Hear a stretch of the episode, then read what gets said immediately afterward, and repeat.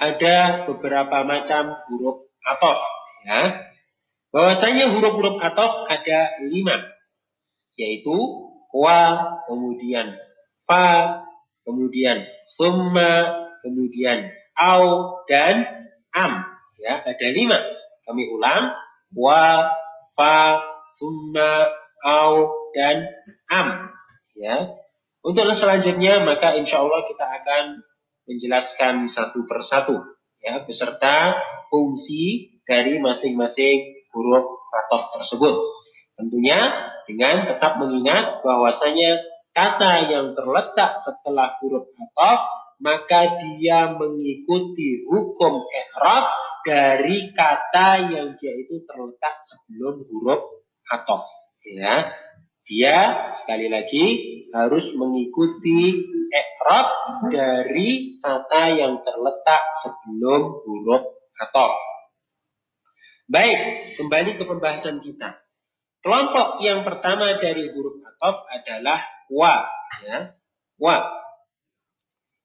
Wa dia itu digunakan untuk sekedar penggabungan dua kata atau lebih atau dalam istilah bahasa Arab kita katakan untuk limutlaqil jam'i ya untuk sekedar penggabungan ya. Dalam bahasa kita bisa kita terjemahkan dengan dan. Sebagai contoh ya kita buatkan contoh di sini. Ja'a Muhammadun wa Hasanun wa Sa'idun telah datang Muhammad dan Hasan dan Sa'id ya ada tiga orang yang datang. Muhammad, Hasan, orang yang ketiga adalah Said. Wa dia digunakan untuk sekedar penggabungan saja. Hmm. Jadi ada kemungkinan yang datang itu mungkin Hasan dulu, baru kemudian Muhammad, baru kemudian Said. Namun susunan ini tidak kita perhatikan. Ya, susunan ini tidak kita perhatikan hanya untuk sekedar menggabungkan saja. Ya, jadi seandainya yang datang itu Hasan dulu, baru kemudian Muhammad, terus selanjutnya Said, maka ini juga tidak kita salahkan manakala kita menggunakan huruf atop yaitu wa. Ya, sehingga wa ini hanya untuk sekedar penggabungan saja. Baik, kemudian kelompok yang kedua dari huruf atop dia adalah fa. Ya, fa. Adapun fa dia digunakan untuk menggabungkan dua kata atau lebih secara berurutan tanpa ada jeda. Ya, ada dua poin penting di sini. Yang pertama, dia digunakan untuk menggabungkan dua kata atau lebih secara berurutan. Ini poin yang pertama. Poin yang kedua adalah tanpa adanya jeda. Tanpa adanya jeda. Dalam istilah Arabnya kita katakan untuk ya itartib ma'al at-taqib ya itartib ma'al taqib sebagai contoh misalnya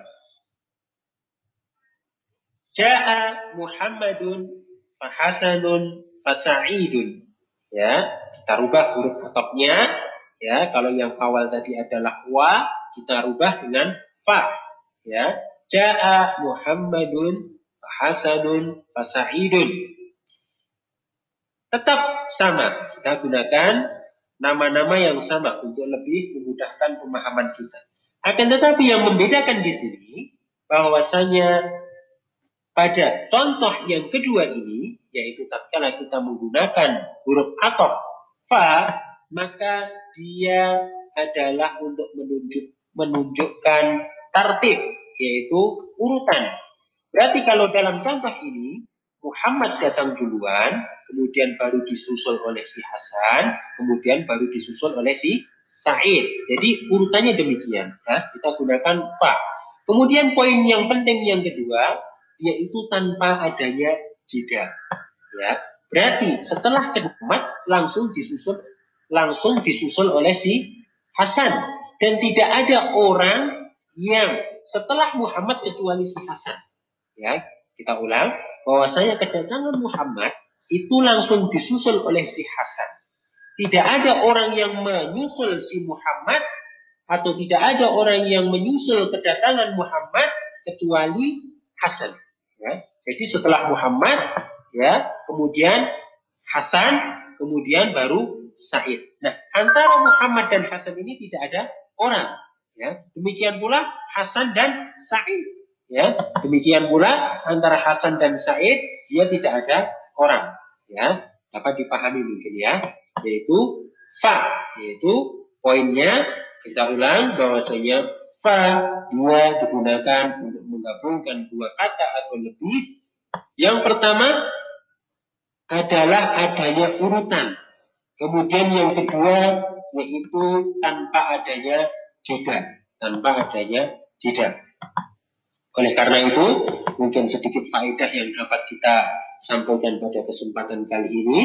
Manakala Rasulullah Shallallahu Alaihi Wasallam ya beliau bersabda dalam sebuah hadisnya ya Rasulullah Shallallahu Alaihi Wasallam bersabda dalam sebuah hadisnya untuk menunjukkan tata cara sholat ya tata cara sholat bagaimana Rasulullah Shallallahu Alaihi Wasallam ya yang bersabda bahwasanya apabila ada di antara kalian hendak sholat maka apa Summa staqbilal kiblata, kemudian apa?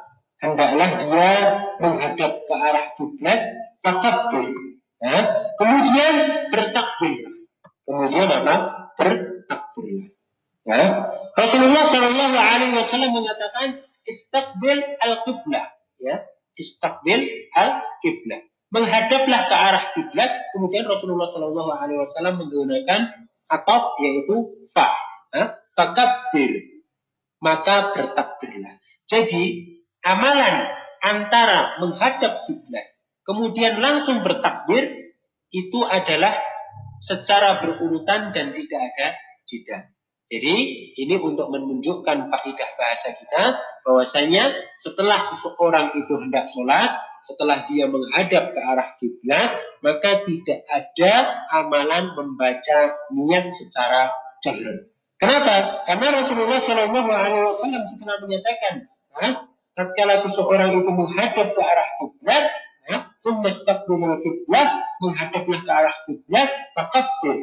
Menggunakan fa, ya, fakabir. Langsung bertakbirlah. Ya, jadi tidak ada acara untuk membaca niat secara jahar.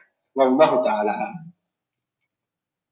Baik, itu adalah kelompok yang kedua dari huruf atau.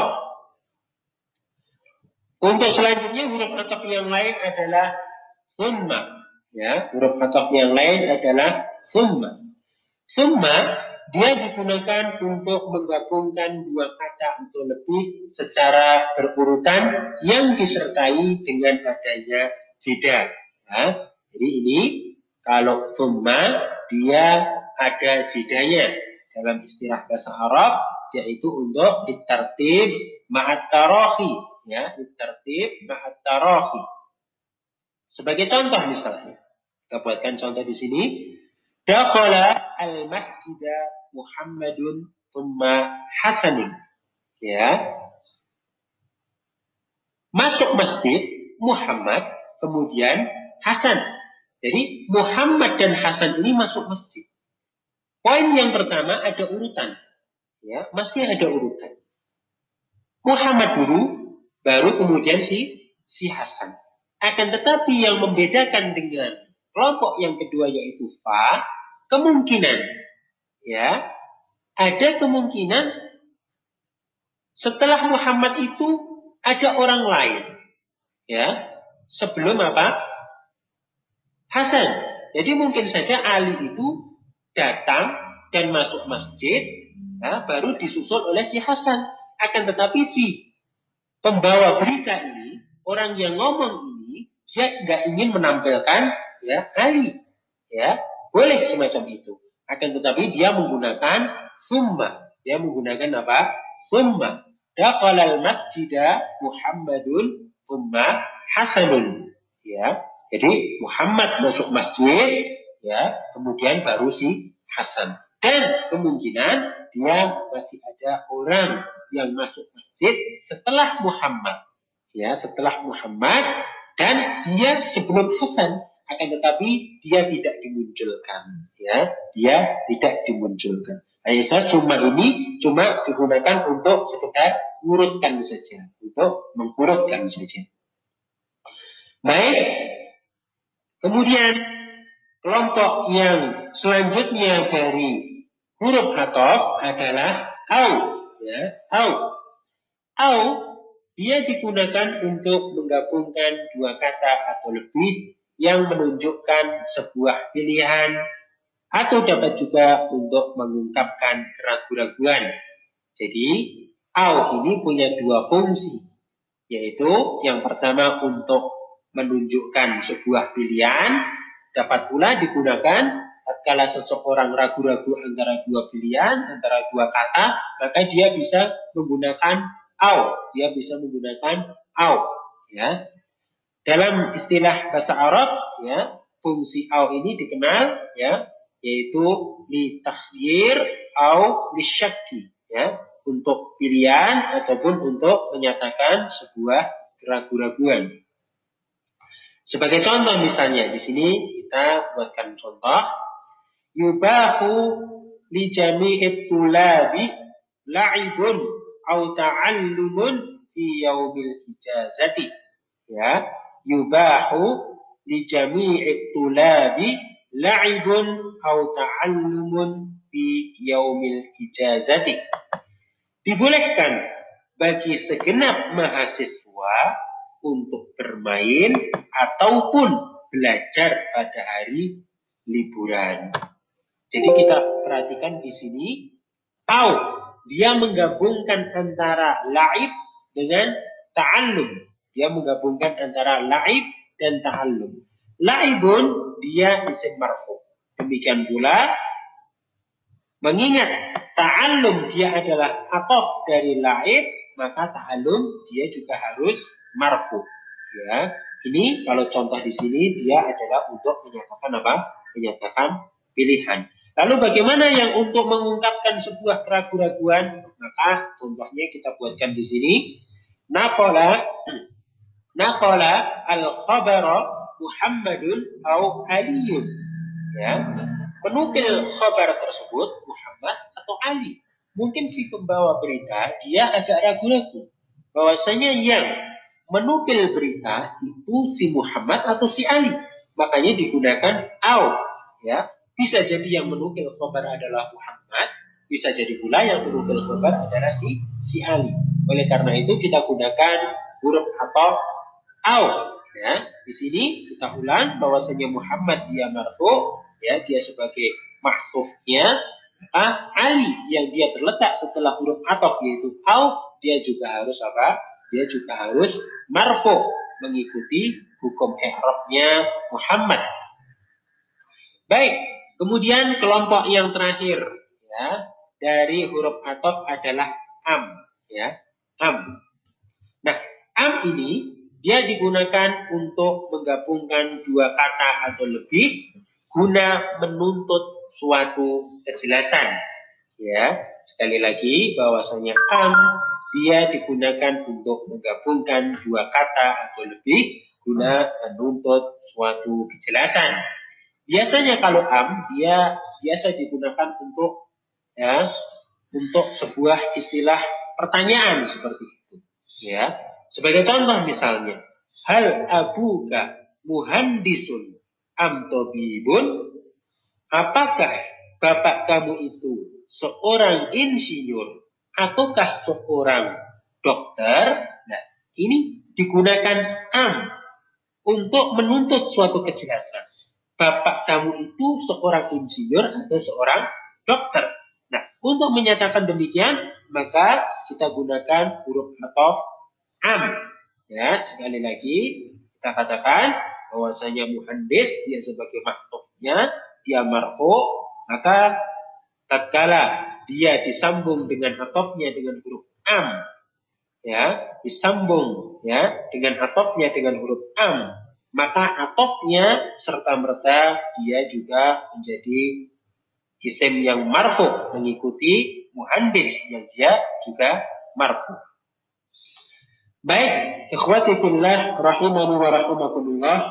Mungkin itu adalah pembahasan kedua berkenaan dengan tabi, berkenaan dengan tabi.